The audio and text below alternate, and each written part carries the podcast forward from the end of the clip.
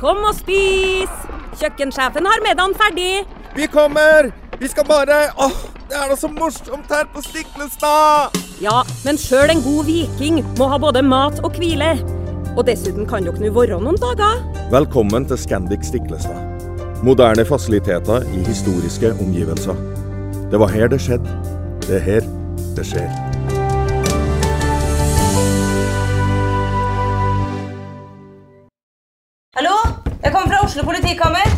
Ine Jansen er purk. Er du purk? The motherfucking bitch. Alt jeg vil, er å finne ut hva som skjedde med mannen min. Jon Carew. Er jeg sikta for noe? Iben Akeli. Det er du.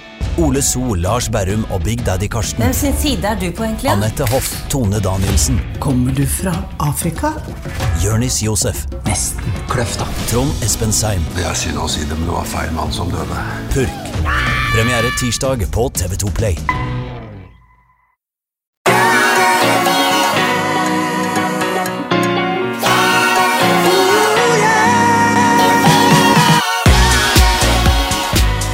Velkommen til podkasten Jernsterk. Eh, Du er på plass, eh, Ole Petter, og i dag har vi gjest også, Barbro Setta. Velkommen til eh, studio her i eh, Oslo. Ole Petter, var du som eh, inventerte Barbro. Eh, Hun eh, tok det på strak arm. Sporty som du er, Barbro. Eh, Ole Petter, hvorfor ville du ha Barbro i studio?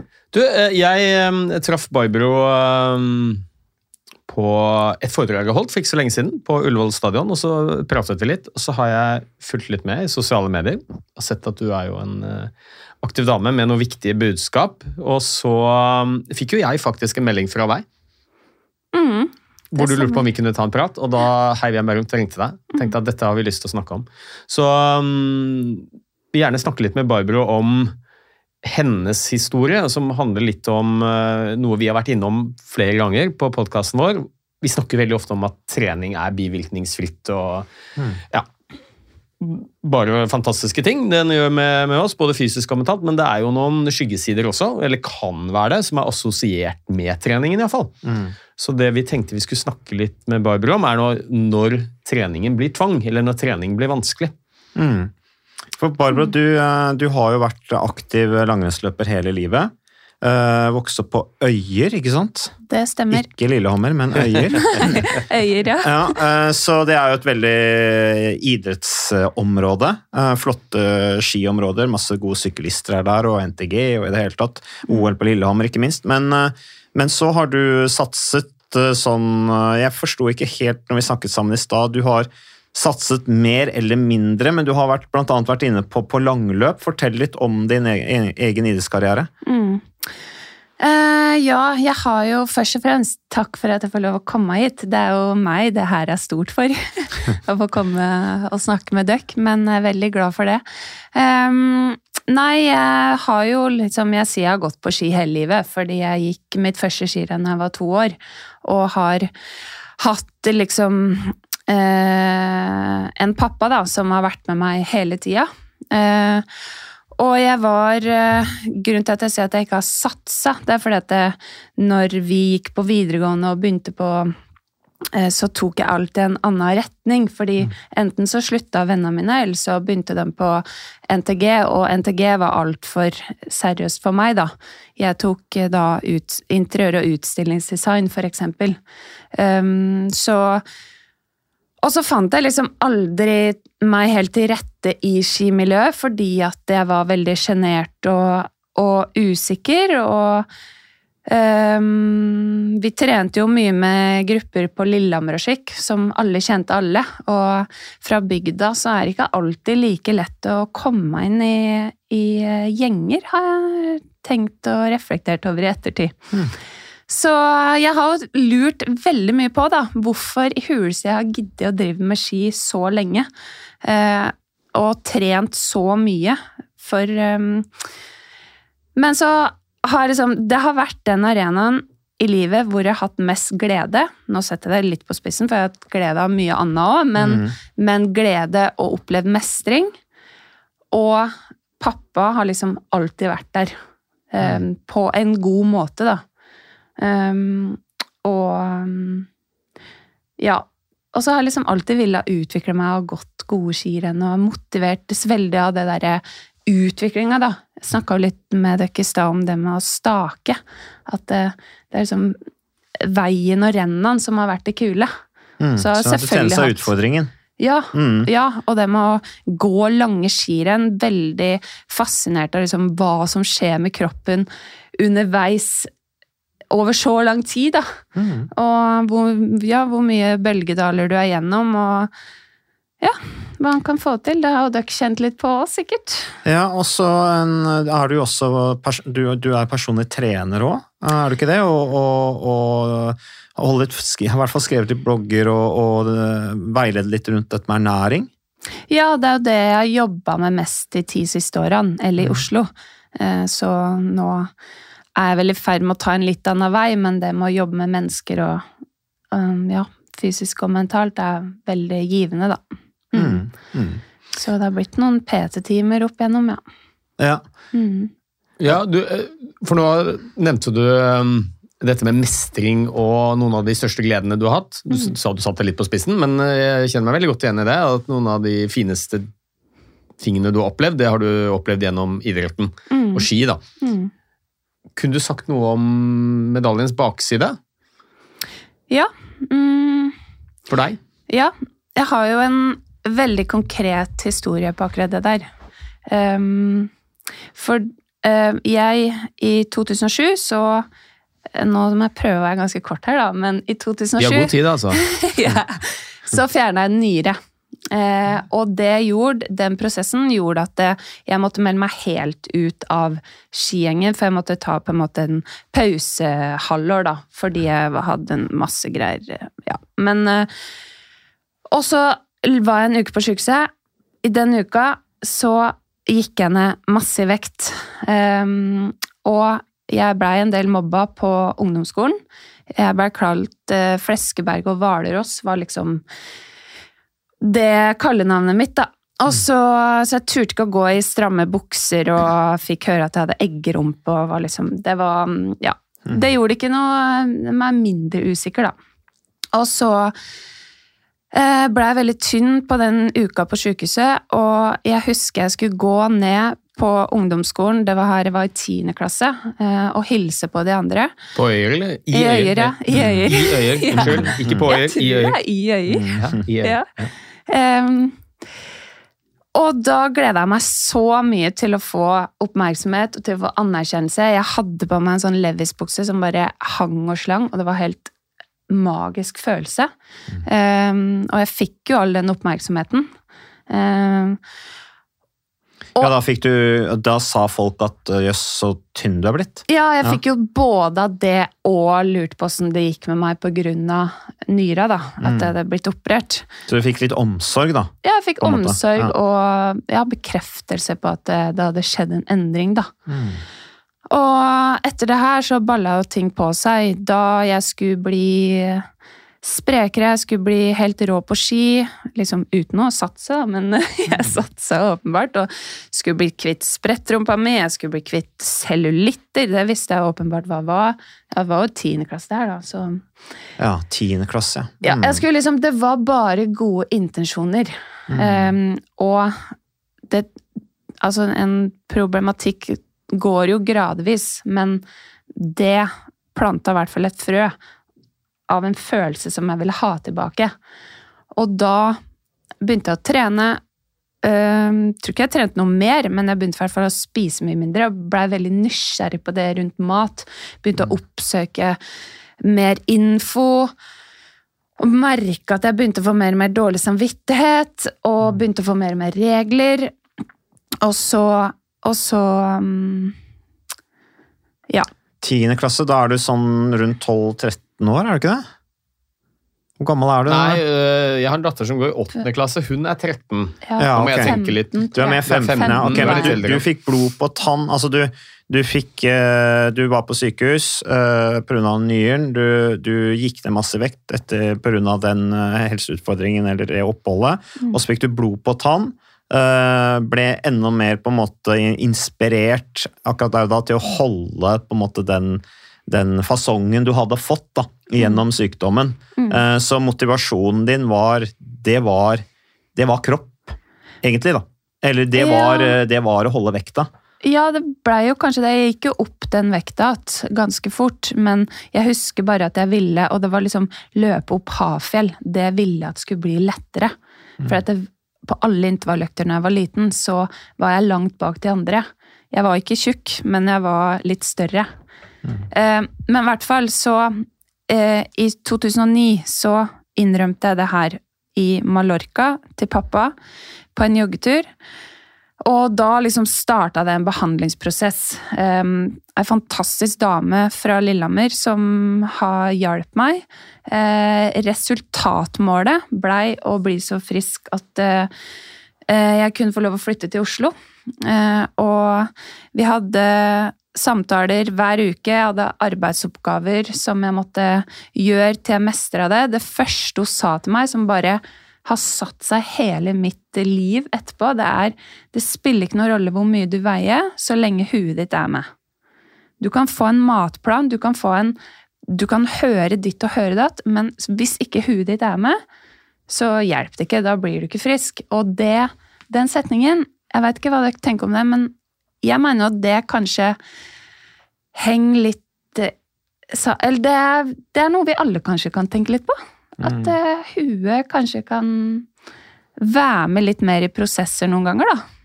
Hva som er rett og galt. Ja, altså Hun snakket om at det må komme fra vilje, at, at du oppfattet det som at det måtte havne mer om din egen vilje enn at uh, du skulle bli styrt til noe, hvis jeg oppfatter deg riktig, eller? Ja, også det med å liksom forstå Jeg måtte jo forstå at det her var trygt. Det var trygt å spise en bolle etter lunsj på skolen. At uh, jeg at, um, Og så lenge Jeg trengte en trygghet, og det blei hun, da.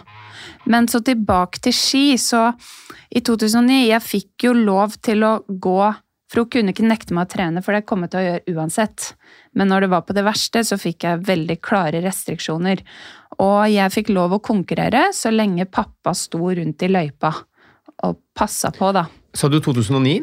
Ja. Ja, var du 18 da? Nei, hvor gammel var du da?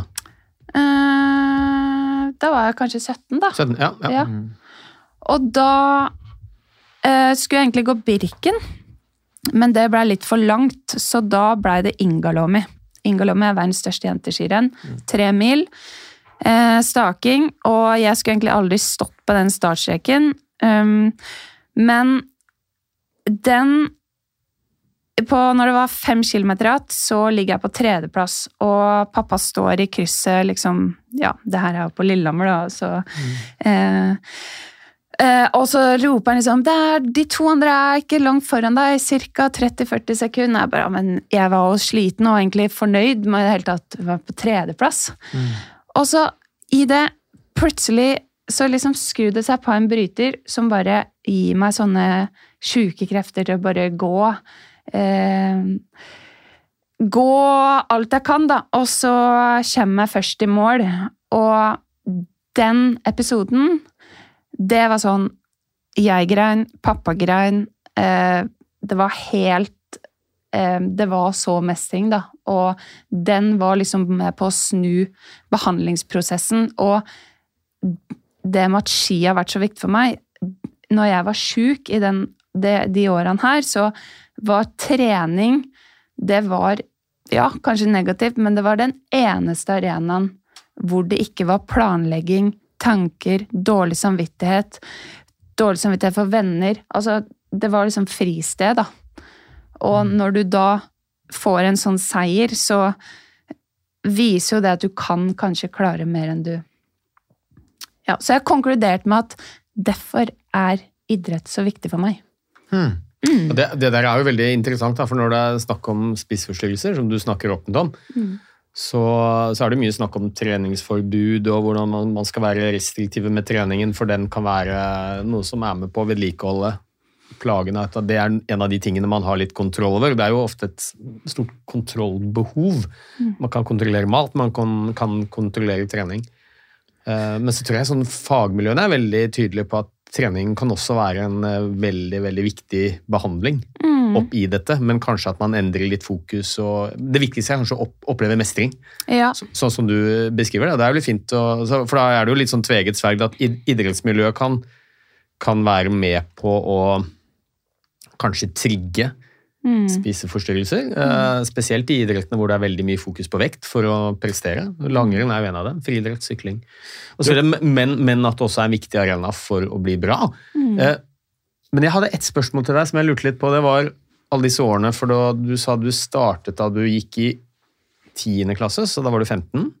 Ja. Ja, I forbindelse med nyren du fjernet. øh, og så gikk det jo noen år hvor du hadde dette her. Var det noen som la merke til det? Du sa du fortalte faren din på Mallorca, men trenere i idrettsmiljøet, andre som hadde en idé om at du kanskje du hadde trøblete forhold til mat og kropp? Ja, altså og Mamma og pappa skjønte det lenge. Mamma leste en artikkel i et sånn ukeblad som bare var som å lese meg. Så jeg var jo innom doktoren noen ganger, og bestemor skjønte det lenge før. Jeg hadde jo perioder hvor jeg kasta opp og gikk ut etter jeg hadde spist, tok på meg sko for å kaste opp. Bestemor var den eneste som skjønte det. Vennene mine skjønte det. De hadde snakka med helsesøster. Og liksom det jeg tror har vært fordelen min, da, eh, som jeg vel forstår veldig godt at folk ikke skjønner, men det er at det, eh, i starten syntes jeg det var veldig kult å få den anerkjennelsen. At du blei tynnere og du endra deg, og det er jo ikke folk redde for å si. Eh, men når jeg blei klar over det og skjønte hvor stort det problemet her var, så var det ikke gøy å få de kommentarene lenger. Og da var det mye tårer. Eh, fordi det er ingen som spør 'hvordan har du det'? Nei. Det er bare hvor tynn du har blitt. Men da, da hadde du i hvert fall en erkjennelse av at du hadde et problem, da. Eh, For det er jo ikke alle som gjør det. Eh, Det, det handler vel ofte i et sånt sykdomsforløp at det bare kan bli tynnere og tynnere og tynnere. Og tynnere. Um, og og, en, en annen ting eh, som også er eh, med, med dette her med at du trener, konkurrerer og sånne ting. uh, Når du snakker om den episoden hvor du vant Ingalomi, så du, du må jo ha hatt energi òg, da. Uh, Så du har jo ikke For det er jo, det er jo noen som på en måte de, de, de, har, de får et spissproblem, eh, går ned i vekt, og så har de én bra sesong, og så sprekker ballongen, og så er de ferdige etterpå. Mm. Men du hadde tydeligvis perioder hvor du innimellom klarte å hente deg litt inn, så du i hvert fall hadde fysiske krefter til å, til å gå på litt og vinne langløp osv. Det, er jo- det er jo imponerende i seg selv. Men, eh, men du, du, du fikk en erkjennelse selv av at du hadde et, eh, et problem, eh, og forsto det. Um, og du var inne på dette med trening, Ole Petter, eh, og at det kan være litt sånn friarena uh, for og refleksjon og i det hele tatt. Og dette her at du hadde denne samtalen med din far når du var ute og drev fysisk aktivitet, er jo også litt interessant at man har den åpenheten når man er ute på den arenaen. Da. Så det er jo tydeligvis at det er en viktig arena for deg, det å være ute i, i, i aktivitet i naturen osv. Mm. Ja, absolutt. Hvor dårlig var du øh, på det verste? Ehm, det er litt vanskelig å si. Eller hvordan jeg- hadde du det? Ja, jeg hadde det Det er liksom Jeg har Jeg jobba, jeg bevarte vennene mine, jeg gikk på skolen, jeg trente, jeg spiste. Uh, men jeg hadde det ikke bra. Jeg var Jeg husker jeg jobba på frokosten på et hotell, og jeg var så sliten. Uh, og jeg kom hjem og skulle rett ut på ski og grein, og mamma bare 'Du må roe ned'. Jeg bare jeg kan ikke. Det var liksom et jag om å skulle forbrenne hele tida. Eh, og der er jeg så For dette, en ting er en diagnose og et problem, men et problem, definisjon på et problem Hvis det Hvis noe opptar huet ditt så mye at det liksom går utover atferden din, da mener jeg at det har gått altfor langt. Men men liksom, ja, det med mat da, som vi må forholde oss til hele tida, hvis det hvis det er noe du går og tenker og gnager på hele tida, da tenker jeg at da må du ta kontakt med noen, for dette um, Ja, det er forferdelig styrende. Men ja, svar på spørsmålet. Jeg var, jeg var jeg har bare vekt å sammenligne med, og jeg var nesten 15 kilo mindre enn jeg er nå. Nå ser jo ikke lytterne mine meg, men jeg er ikke overvektig nå, eller for å si det sånn. Nei, da må det ha vært veldig, Det var, veldig ja, det var ikke så mye, ja. Ja. Men jeg spiste, og jeg hadde, men jeg hadde klare regler på hva jeg spiste. Et eksempel, etter en to timers løpetur, så var det en halv kopp med havregryn eh, og et eple. Og hvis jeg var mer sulten, så var det gulrot. Mm. Mm. Mm. Men, eh, men eh, var vektig å skulle eh, holde vekten lav eller holde inntaket nede, handlet det om idrettsprestasjon, eller handlet det om vekten isolert sett? Eller kontroll. Ja. Kontroll. Føle at man har kontroll. 100 Mm. kontroll. For det er jo også Jeg det det handler om. Ja, jeg kan ikke huske at Én ting er selvfølgelig en redsel, men det var en kontroll, og så var det jeg, Vi definerte en person som satt på skuldra mi og fortalte meg alt jeg ikke skulle gjøre. Og hver gang det kom opp noe som jeg ikke hadde planlagt eller hadde styring over, så var det som en luke som bare gikk gjennom hersen min. Mm. Halsen. Men jeg lurte på det, for nå, nå er vi i 2009, Mm. mm. og i dag så har du det bra? Stort Ja, i hvert fall sånn eh, stort sett. Ja, Ja. ja da, men sånn er vi vel alle sammen. Det er ikke, Og det er kanskje den Det er jo kanskje de seinere årene jeg er nesten mer opptatt av å formidle, da. Eh, For jeg hadde mange gode år i Oslo fram til 2016. eh, Hvor jeg gikk gjennom et eh, brudd som satte seg så godt i sjela. Em, Da snakker vi samlivsbrudd. ja. Ja. ja. Eh, og, og da eh, Og så i løpet av Ja, da blei trening en arena for meg for å ikke kjenne på følelser. I tillegg jobba jeg med masse med folk. Jeg jobba mer enn noen gang og blei veldig god til å eh, ta på meg et sånt glass, da. Som blei hardere og hardere. Og så eh, så blei jeg Det her var da i 2018, så hadde jeg en skikkelig bra sesong. Ehm, da hadde jeg gått ned tre-fire kilo i vekt. Eh, gikk 120 km trollski, vant det. Staka Holmenkollmarsjen. Gikk Marcialonga, gikk Vaseloppet. Gikk, gikk og løp, løp og presterte bra. Men jeg var for tynn. Det syns jeg sjøl. Og jeg ville til slutt ikke vise meg lenger. Og i tillegg så skjer det, liksom, i de årene her, skjer det så mye sånne drypp i livet mitt som Jeg skal ikke si jeg er en uheldig person, men um, Og det er mange som har det veldig mye verre, men det skjer ting som gjør følelseslivet litt eksempel to episoder hvor jeg får høre at jeg har kreft, liksom. Det gjør noe med deg. Sånn av helsepersonell som ikke kan eh, kommunisere. Ja, altså Men- De trodde du hadde kreft, eh, eller, eller, eller var det det at de, du var så tynn at de sa at du så ut som Nei, det, kreftpasient? på, det ene var på grunn av en føflekk. Ja, okay. Hvor han kjem, hvor han, jeg kommer inn på rommet, og så sier han at dette er ikke føflekk, dette er kreft. Mm. Det var liksom, Men det er sånne episoder hvor Når du sier han, så mener du en lege? En lege, ja. Mm. Eh, Ja, som kanskje, ikke, som kanskje mye- ikke fikk med seg den kommunikasjonsundervisningen på Nei. studiet. Det tok i hvert fall tre-fire måneder før jeg skjønte at jeg ikke hadde kreft. da. Ja. Ja. Men det har i hvert fall skjedd sånne mye hendelser som um, gjør meg litt eh, Hva skal jeg skada da, i topplokket.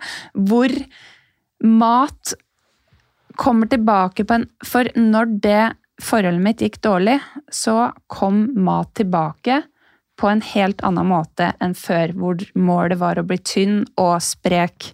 Nå eh, begynte jeg å spise masse og kasta opp eh, igjen. Og for å ikke kjenne på følelser. Eh, og det her, det har vært med meg eh, i ettertid. Eh, vi hadde en episode med to venninner i 2019, eller våren 20, eller liksom etter vintersesongen 2018. Husker ikke helt. Da satte de to ned foten og sa at hvis ikke du eh, får hjelp nå, for da hadde jeg blitt ganske tynn, da, uten at det var noe intensjon. Men jeg klarte åpenbart ikke å gå opp den vekta. Um, så vil ikke vi være dine venninner lenger. Eh, brutalt og helt jævlig, men uh, litt det jeg trengte der og da, da. Mm, og hva gjorde du da? Da fikk, begynte jeg å få psykologhjelp. Um, hell i uheldet litt, men ja, nå har jeg i hvert fall gått til en psykolog i over to år, da. Mm, Men fikk litt sånn ernæringshjelp, men igjen, det er liksom Det er så mye skam, fordi at det, jeg jobber med det, jeg kan faget, jeg veit hva som skal til. Eh, og så snakker du ikke om det, og så snakker jeg bare sånn overfladisk om ja, men jeg skal opp i vekt, og så er det så mye jeg ikke tør å si. Det er så mye skam. Eh, og så Men så har jeg liksom blitt mer og mer ærlig, særlig til mamma og pappa, da. Um, og ja, nå mister jeg litt hva jeg skal si, men Men er det skam fordi at du øh, At problemet er tilbakevendende? Er det det som skammen handler om? Ja, også at det handler om noe helt annet. Det handler om å eh, Det blir en forsvarsmekanisme mot følelser. Ja, med en sånn mestringsstrategi. Uh, Ole Petter, altså, vi, vi, vi snakker jo om fysisk trening. Vi har snakket mye om dette med depresjon og angst Mm. og psykiske lidelser. At liksom en, en, en løpetur eller en treningsøkt eh, det kan få deg ut av grublinga. Problemet blir ikke borte, men du har en annen tilnærming til det. Uh, og her er det jo det er en slags, Når, når treninga kanskje blir en slags sånn form for selvskading, da, at i stedet Du har mange former for selvskading. Eh, Det mest kjente er de som sitter og kutter seg opp. da. Eh, Men også, vi har jo hatt gjester her som har snakket om at de har gått ut og trent så hardt. da. Eh, At, de har på en måte, at det har vært så vondt i kroppen at det på en måte har gjort at de fordøyer de andre smertene Mm. lettere. Ja, ja. Ukas annonsør det er eh, HelloFresh. Og eh, hvis du nå går inn på hellofresh.no og bruker koden FRESH hjerne, så kan du få opptil 1779 kroner rabatt på da de fem første matkassene dine hvis du ikke har prøvd HelloFresh enda. Og Ole Petter, vi er jo glad i HelloFresh i podkasten Hjernesterk, eh, selvfølgelig fordi at de er en annonsør. De er med og bidrar til å spre det glade ordet om fysisk aktivitet og god helse. Men i tillegg så har jo vi også nå lang erfaring med HelloFresh Fresh selv. Så vi må jo si at det har vært gode erfaringer til nå. Ja, absolutt. Visste du, Mats, at HelloFresh det er faktisk verdens ledende matkasseleverandør? Og tilbudene til HelloFresh gjør det enkelt å lage gode og varierte retter som skaper matglede. Og matglede vet du, det er like viktig som hva du putter i munnen. Det å spise mat med folk du trives med. Så gjennom 25 nye og inspirerende retter hver uke så bidrar HelloFresh til dette. Du kan bestille ekstra porsjoner om du får gjester, eller hoppe over uke hvis du f.eks. skal bort. Og Det er ingen bindingstid, og du velger leveringstidspunkt og dag selv, så leverer HelloFresh matkassen din akkurat når det passer deg. Ikke dårlig, Mats. Nei, det er veldig bra. Så, øh, og dette er med enklere hverdag, det kan jeg nå skrive under på. For nå, forrige erfaring vi hadde forrige uke, Ole Petter, det syns jeg var Det var jo et gjennombrudd øh, for familien Kaggestad. For da lagde rett og slett barna De lagde middag og serverte middagen, så den var ferdig laget og servert da når eh, min kone Marita og meg kom hjem fra jobb. Og jeg mener, det var jo bare helt utrolig. Eh, Det var helt fantastisk. Det ble en nydelig middag. Riktignok, de, de, de, de roter og søler litt, det gjør de. Så, men, men maten ble veldig god. De var veldig stolte over å kunne å ha både laget og servert maten, så det var helt fantastisk. Så vi har jo da i det siste så har vi eh, spist eh, bl.a. sitron- og dillstekt hyse med ovnsbakte grønnsaker og aioli. Eh, Vi har spist middelhavsinspirert kylling. Taco, så finnes det mange ulike typer taco. F.eks. vietnamesisk taco, som vi har spist. Thailandsk vegetargryte. Veldig riktig og sunt eh, i dagens eh, samfunn med, med fokus på bærekraft. Hvitløk og chilistekte reker i spagetti, det var definitivt en vinner. Så det er så flott. Du får rimelig mat ved at du kun betaler for det du trenger, så det blir ordentlig feststemning med HelloFresh.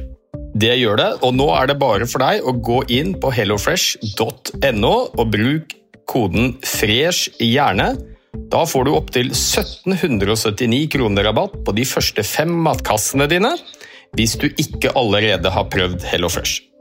Du kan også bruke rabattkoden hvis du har stoppet abonnementet ditt for tolv måneder siden eller mer.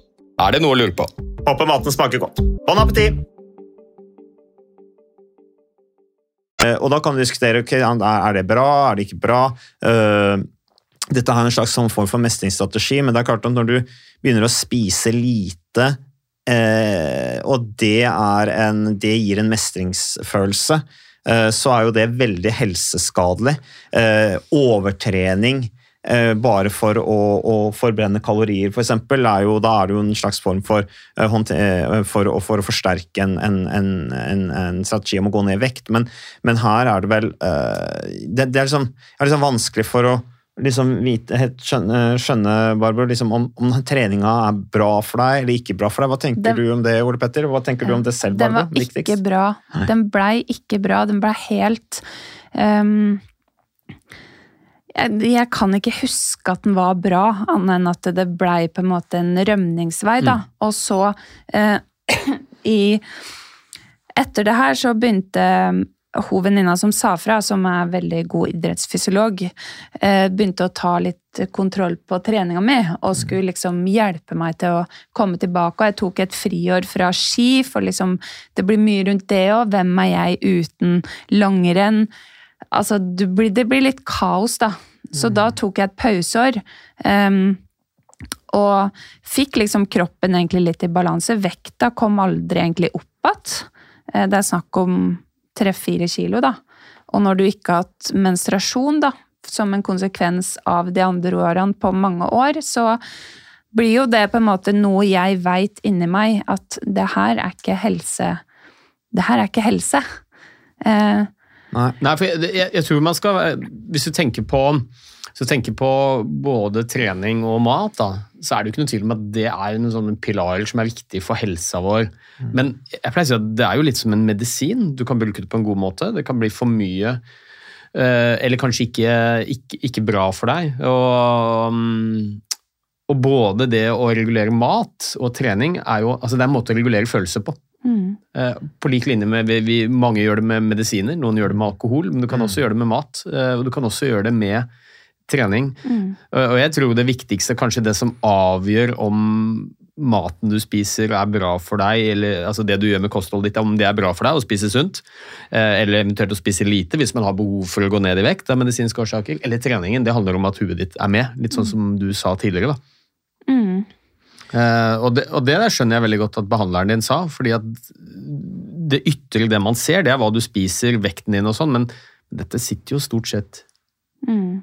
i hodet. Det er vanskelige ting som vi, vi regulerer, kanskje ikke på en bra måte med enten mat eller trening. Mm. Så før- det er jo det som er den vanskelige balansegangen, da. Ja, og før så var det eh, Eller først så var det bare eh, når jeg hadde det vondt, vonde følelser. Da hvor jeg eh, kommer hjem og overspist, da. Men så endrer det seg, så blir det når det òg er gode følelser. Når livet rett og slett blir overveldende. Og da Så er det liksom Jeg har jeg skal si at drømmen er der fortsatt enda, for jeg er ikke helt i mål. Det skal jeg innrømme. Jeg synes det er skikkelig Det er kanskje det tøffeste å si, men jeg har blitt veldig klar over å skille meg sjøl som privat og fagperson. Fordi det har jeg vært alltid bevisst på at eh, jeg, så lenge jeg kan gjøre jobb eh, Så lenge jeg gjør jobben min på en profesjonell og god måte, som jeg veit at Ja, som er det for meg, da. Så Men så, så har vi jo alle vårt.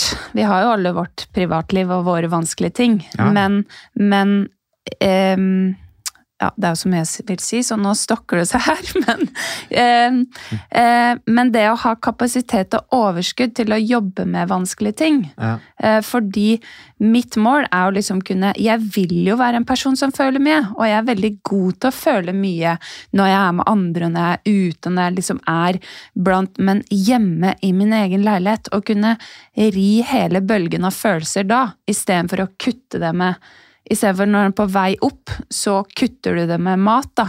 Eller på vei ned. Eller trening, for den saks skyld. At du går ut og ja, nå må jeg ta en løpetur, for at jeg blir så Jeg klarer ikke å stå i det her. Eh, liksom Kunne bare ligge på sofaen og puste og bare Ok, det her går over. Men, men hva er idealet? Nå sa du det jo litt nå, da. Eh, Det der idealet er å kunne håndtere følelser eh, ved å, å være hjemme og uten å skulle på død og liv ut og trene eller, eller gå i kjøleskapet. Mm. Eh, Men hva er det ideelle? Altså Burde du, eh, burde du ha eh, stanset eh, satsing på, på idrett tidligere? Hva, hva slags type liv ønsker du å leve? For du ønsker ikke å leve et liv uten fysisk trening heller. Nei. Det Jeg, eh, jeg har, har jo akkurat hatt et sånt prosjekt toppidrett hvor ski har vært Trening har vært veldig eh, satsingsområde. Fordi jeg syns Jeg ser opp til folk, og jeg syns det er kult å gjøre eh, mye av lite. Sånn som de som lykkes med ting, gjør. Så det prøvde jeg. Eh, det ble fiasko, og Og det var langløp. ja, det var Ja. langløp på ski, Mm. og nå ehm, På grunn av helsa, rett og slett. På grunn av at eh, jeg har liksom Jeg har merka i høst for første gang at kroppen min har liksom slitt seg litt mer. I juli trente jeg mer enn noen gang, for jeg skulle ta et år til. Eh, og etter juli så har jeg på en måte ikke Jeg har ikke gått på noe smell på noe som helst måte, men jeg har ikke blitt bedre heller. Så det er liksom en sånn hjul da, som bare går og går. Så, og så nå er jeg på en måte Nå eh, har jeg tatt et valg om å ikke konkurrere nå, for jeg må jeg kan ikke ha det presset på meg, for at da sier jeg ja, men jeg skal trene dobbelt så lite, men, men jeg skal gå lange skirenn allikevel. Det, blir, det går ikke for et eh, hue som har gjort det her hele livet. Men i hvert fall idealet Jeg elsker å konkurrere, og har savna allerede et sånn treningsmål. Så det ideale er å liksom ha en balanse mellom en balanse. Og jeg veit veldig godt hva den balansen min er, for at eh, jeg har jobba mye med verdier og sånn. Så ja. Men så du har lyst til å fortsette å konkurrere?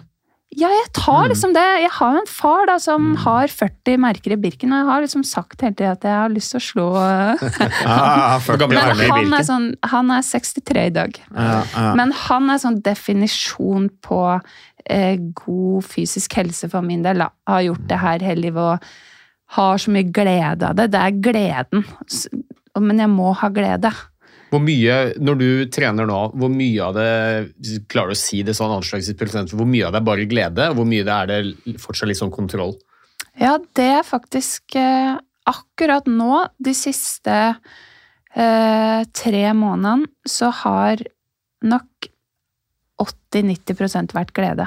Så bra. Og jeg har tatt så Og det Ja. var det ikke før. Det har det ikke vært i alle år, i hvert fall. Nei. I fjor var det jo glede av det, for da gjorde jeg mye mindre av Ja. andre ting. Og hadde liksom konkrete utviklingsmål. Ja, da Eh, satsa du jo tydeligvis hardt, da. ja, da satsa jeg så mye jeg kunne. Mm. Eh, investerte mye hjelp på rulleskimøll og sånn. Mm. Mm, men um, ja, det, det gjør ikke noe med det indre. Det er det som uh, Mm. må jobbes med. Mm. Jeg, eh, du har jo vært i skimiljøet, og er i skimiljøet. Vi har snakket litt om dette før, og det har vært en debatt offentlig også. Eh, Hvor utbredt eh, tror du spiseforstyrrelser er i skimiljøet i Norge?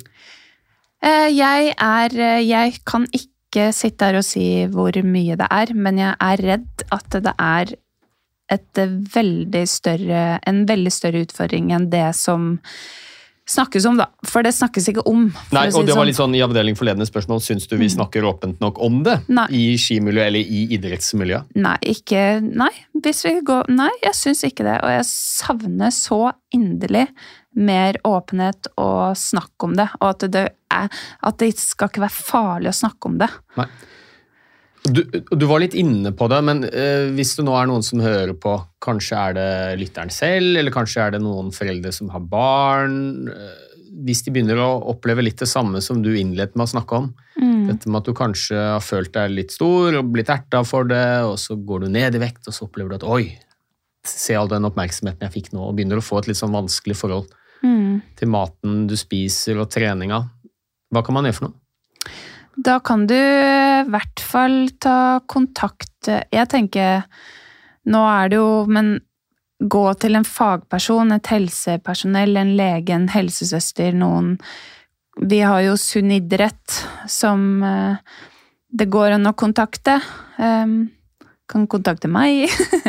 Men kontakt noen. Snakk med noen. Snakk med noen. Mm. Og, og mm, jeg skulle ønske det kunne vært foreldre, men det er ikke alle som kan kontakte foreldrene sine når det er eh, mye tanker og frustrasjon i huet, for det er mye det blant foreldre òg. Og til foreldre så må vi prøve å være gode rollemodeller i den forstand at vi må la være å kommentere kropp og mat, og det gjelder oss alle. Mm. La være å kommentere.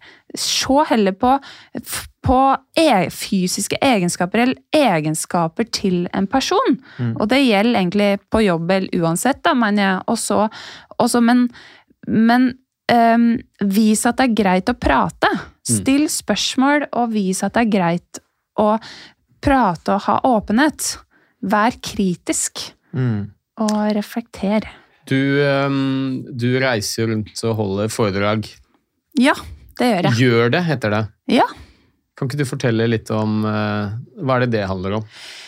Eh, det jeg, Målet mitt er å bli en stor foredragsholder. så jeg har lagd et foredrag som heter Gjør det, som jeg eh, syns jeg har så lyst at vi skal gjøre mer av det som er riktig og viktig for oss sjøl. Og da har jeg noen verktøy som sikkert veldig mange som hører på det, har hørt om det. Eh, eh, hørt om, eh, men som jeg mener at er grunnleggende for å ta mer bevisste valg. Um, og foredraget er lagd på bakgrunn av min historie med spiseproblematikk og prosjekt toppidrett. Uh, og litt sånn kundehistorie og sånn. Og så er det de der faglige verktøyene, da. Um, det er for alle. Uh, og så må vi jo huske, det er også noe jeg snakker om, men det å hvile og ha mental kapasitet som eh, fysisk kapasitet. Er du enig? Eh, treningslegen? Ja, veldig. Ja. veldig. Ja, ja, ja.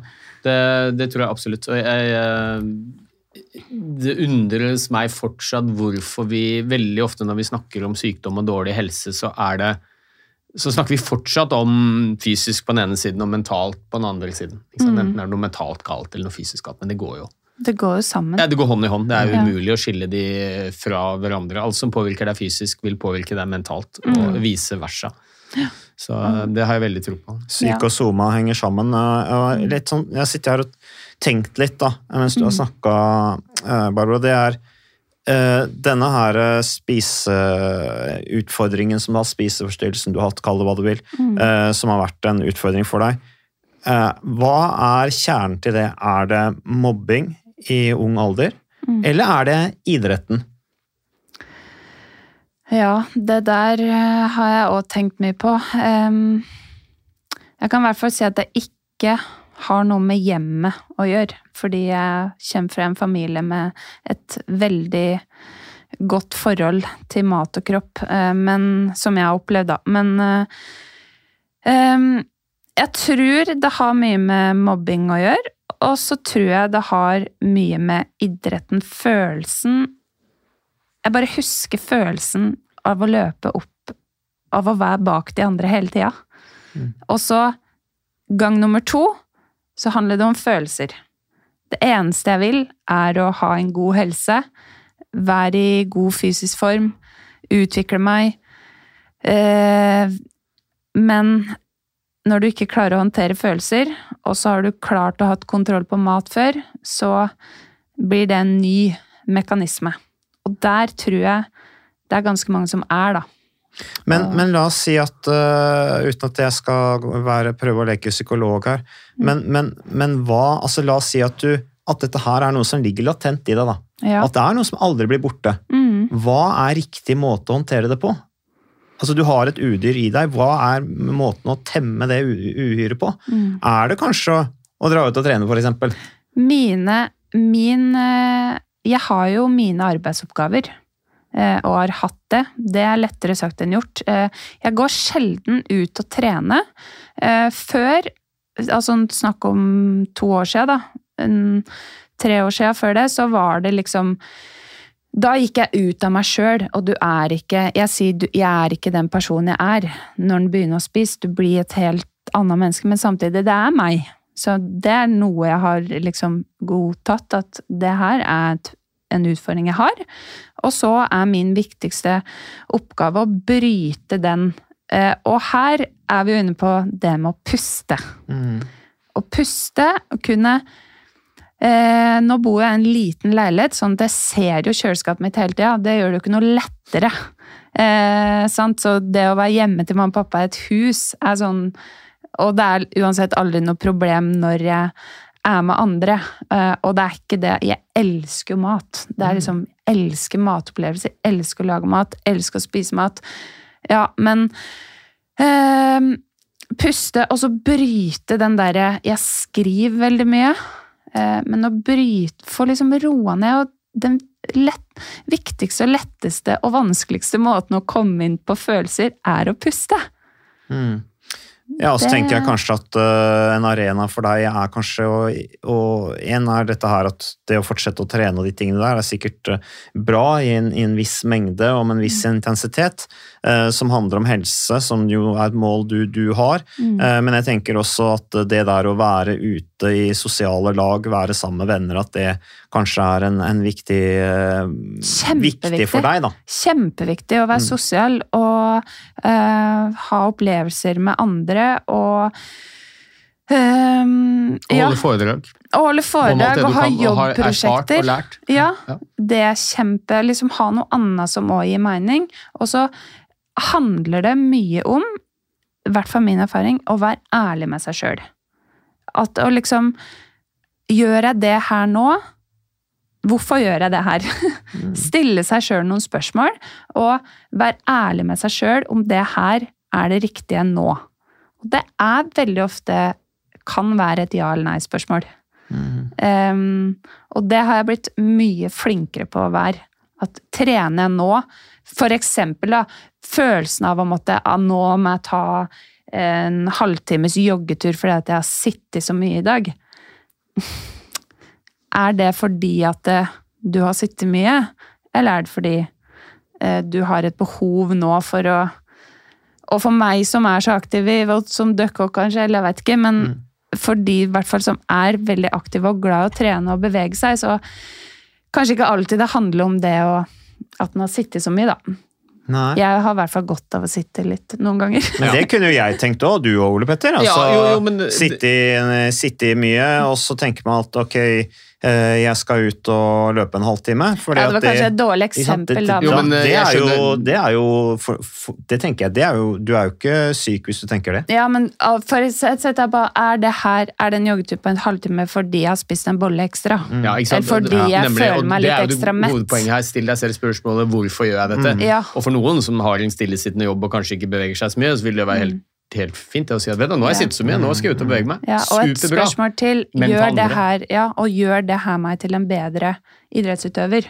Gjør den halvtimen her meg til en bedre idrettsutøver? Mm. Det har, er ofte svaret nei på, da. Hvis Mm. en har trent en god økt tidligere på dagen og gjort andre ting. Mm. Og det kan være veldig godt å gå seg en tur òg. Ja, og nå er Mm. jo, slik jeg har fått det, nå er idrettssatsingen over.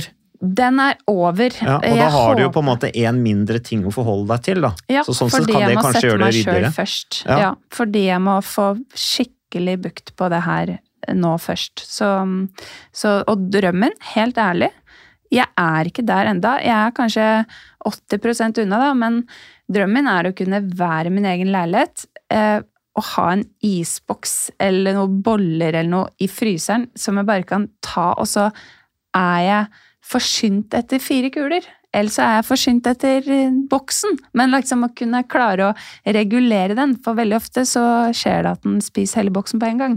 Mm. Og det handler Altså, det er ikke, for det, altså, det er ikke noe med Men det kunne kona mi gjort òg, altså. Ja, men Mm. det er det. Det er ikke noe med vekt her, men det er liksom den følelsen rundt det, da. At Mm. eh, her er det ikke Det er ikke på rett, rette premisser, det her. Så um, da får en vente litt med å konkurrere, og så kan han komme dit at Hvis en vil. Det var eh, Vi takker veldig for åpenheten her, Barbara. Ja, vær varm i skinna, da. Ja, men, har snakket, eh, ja, men det, det er så utrolig viktig og fint Ja, viktig. eh, at du kommer og snakker om disse tingene som du har opplevd. Mm. Og som er Ja, du, du snakker om det på en veldig fin måte, og det, dette er jo noe som mange mange sliter med, og som for mange oppleves som veldig vanskelig å snakke om. Mm. Og jeg har jo veldig tro på det. Uh, sunlight is the best disinfectant, sier de på engelsk. Noe av det beste vi gjør når det er vanskelige ting, det er å snakke om det. Ja. Og, og da er det så viktig å ha noen, ikke bare akademikere, sånn som jeg er, da, som snakker om dette på et teoretisk grunnlag, men noen som faktisk har opplevd det og Mm. står i det. Må ha en blanding.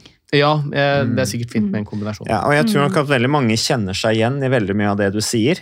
Eh, Så, så sånn sett så er det mange som, som må leve med kanskje ikke alle problemstillingene, noen av problemstillingene osv. Og, og jeg tror at det der å snakke om hvordan man håndterer ting, at ting også til en viss grad ligger latent i mange mennesker, eh, det er faktisk normalt å føle seg litt unormal. Men hvordan fikser vi dette her? Hvordan, hvordan kan vi dele erfaring og hjelpe hverandre? Og kanskje ikke føle skam over at vi gjør noen valg vi kanskje ønsker vi ikke gjorde innimellom. Ja, og en liten ting. Jeg har jo hørt ditt foredrag om det digitale dopet.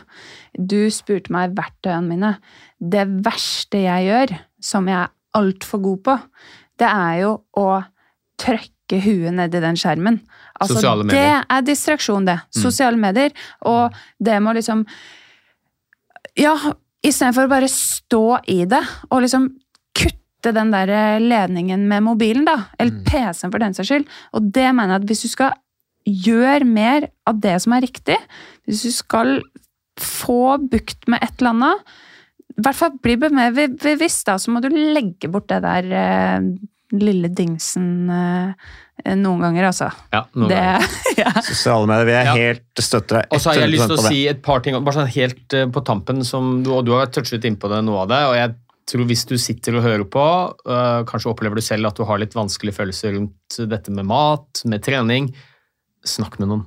ja. Snakk med noen, snakk med noen. Spill, i- jeg tenker Det er sekundært hvem det er. Mm. Eh, Det kan være foreldrene dine hvis du har et såpass åpent og fint forhold at du tør det. Det kan være venner, det kan være fagperson. Men, men snakk med noen.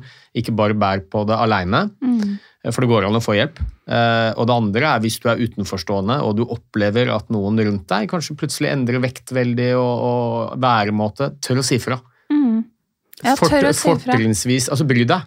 Eh, Fortrinnsvis til den personen eh, det gjelder. Ja. Eh, Men om ikke det, så iallfall noen. Mm. Um, og det er jo litt sånn vanskelig ofte å snakke om vekt, men hvis du ser sånn helt åpenbare endringer hos folk, Ja. tør å si fra. Og så tror jeg det at eh, For det er ingen som kan se på meg nå at jeg har en utfordring rundt det her. Nei, Eller har hatt det i mange år. Ja, ikke sant? Og det er jeg òg, men det er liksom Ja. Men, eh, men jeg savner lite grann det med at Kan du ikke komme og spørre hvordan har du det? Kan vi ikke spørre hverandre litt mer hvordan har du det? Mm. Istedenfor bare 'går det bra'?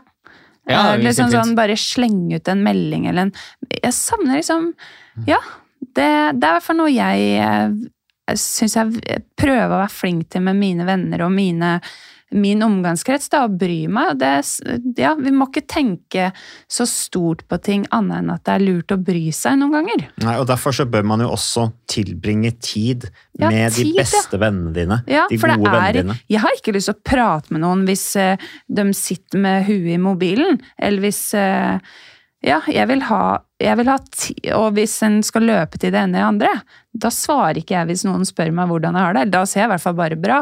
Men sett av tid og snakk sammen. Mm. Og spør. Ja, og det der gjelder jo ikke bare sånn i privat, private relasjoner. Jeg tenker i en terapeutisk relasjon også. Jeg jobber som fastlege i veldig mange år. og Pasientene kan komme med hodepine, det kan være søvnutfordringer. Og vi er veldig opptatt av ikke sant, hva er symptomene dine, og hvordan kan vi fikse det. Mm. Og så kan kanskje det viktigste spørsmålet du stiller dem, Ja. hvordan har du det? Ja. Ikke sant? Hvordan er ting? Hvordan er det Ja. på jobb? Hvordan er det privat? Så det der spørsmålet, hvor, har du det bra? Ja. Det er noe vi bestiller oftere til Ja. de eh, nære rundt oss, men også i en sånn terapeutisk relasjon, tror jeg. Mm. Ja, og hvis du da er en venn du føler du ikke har tid til å svare på det, eller vennen ikke har tid til å høre på det, så får du si 'jeg kan ikke svare deg på det nå', men hvis vi møtes gjennom noen dager, klokken da og da, når du har tid, så skal jeg fortelle deg hvordan jeg har det. ja. Det kan være Eller et bare ta en telefon. Tusen takk for at du kom på, til studio i, hos podkasten Hjernesterk, Barbro. Eh, Tusen takk. Takk til deg, Ole Petter. Um, så hold i kontakten, så får du ha masse lykke til videre med foredrag og i det hele tatt for uh, folkehelsa og ting du brenner for. Og så uh, ja, takk for lytterne som hører på. Takk for oss.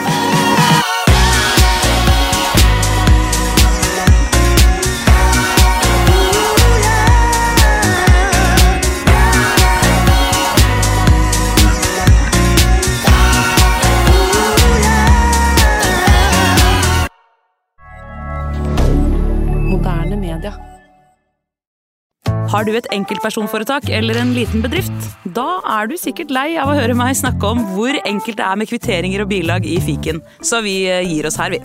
Fordi vi liker enkelt. Fiken superenkelt regnskap.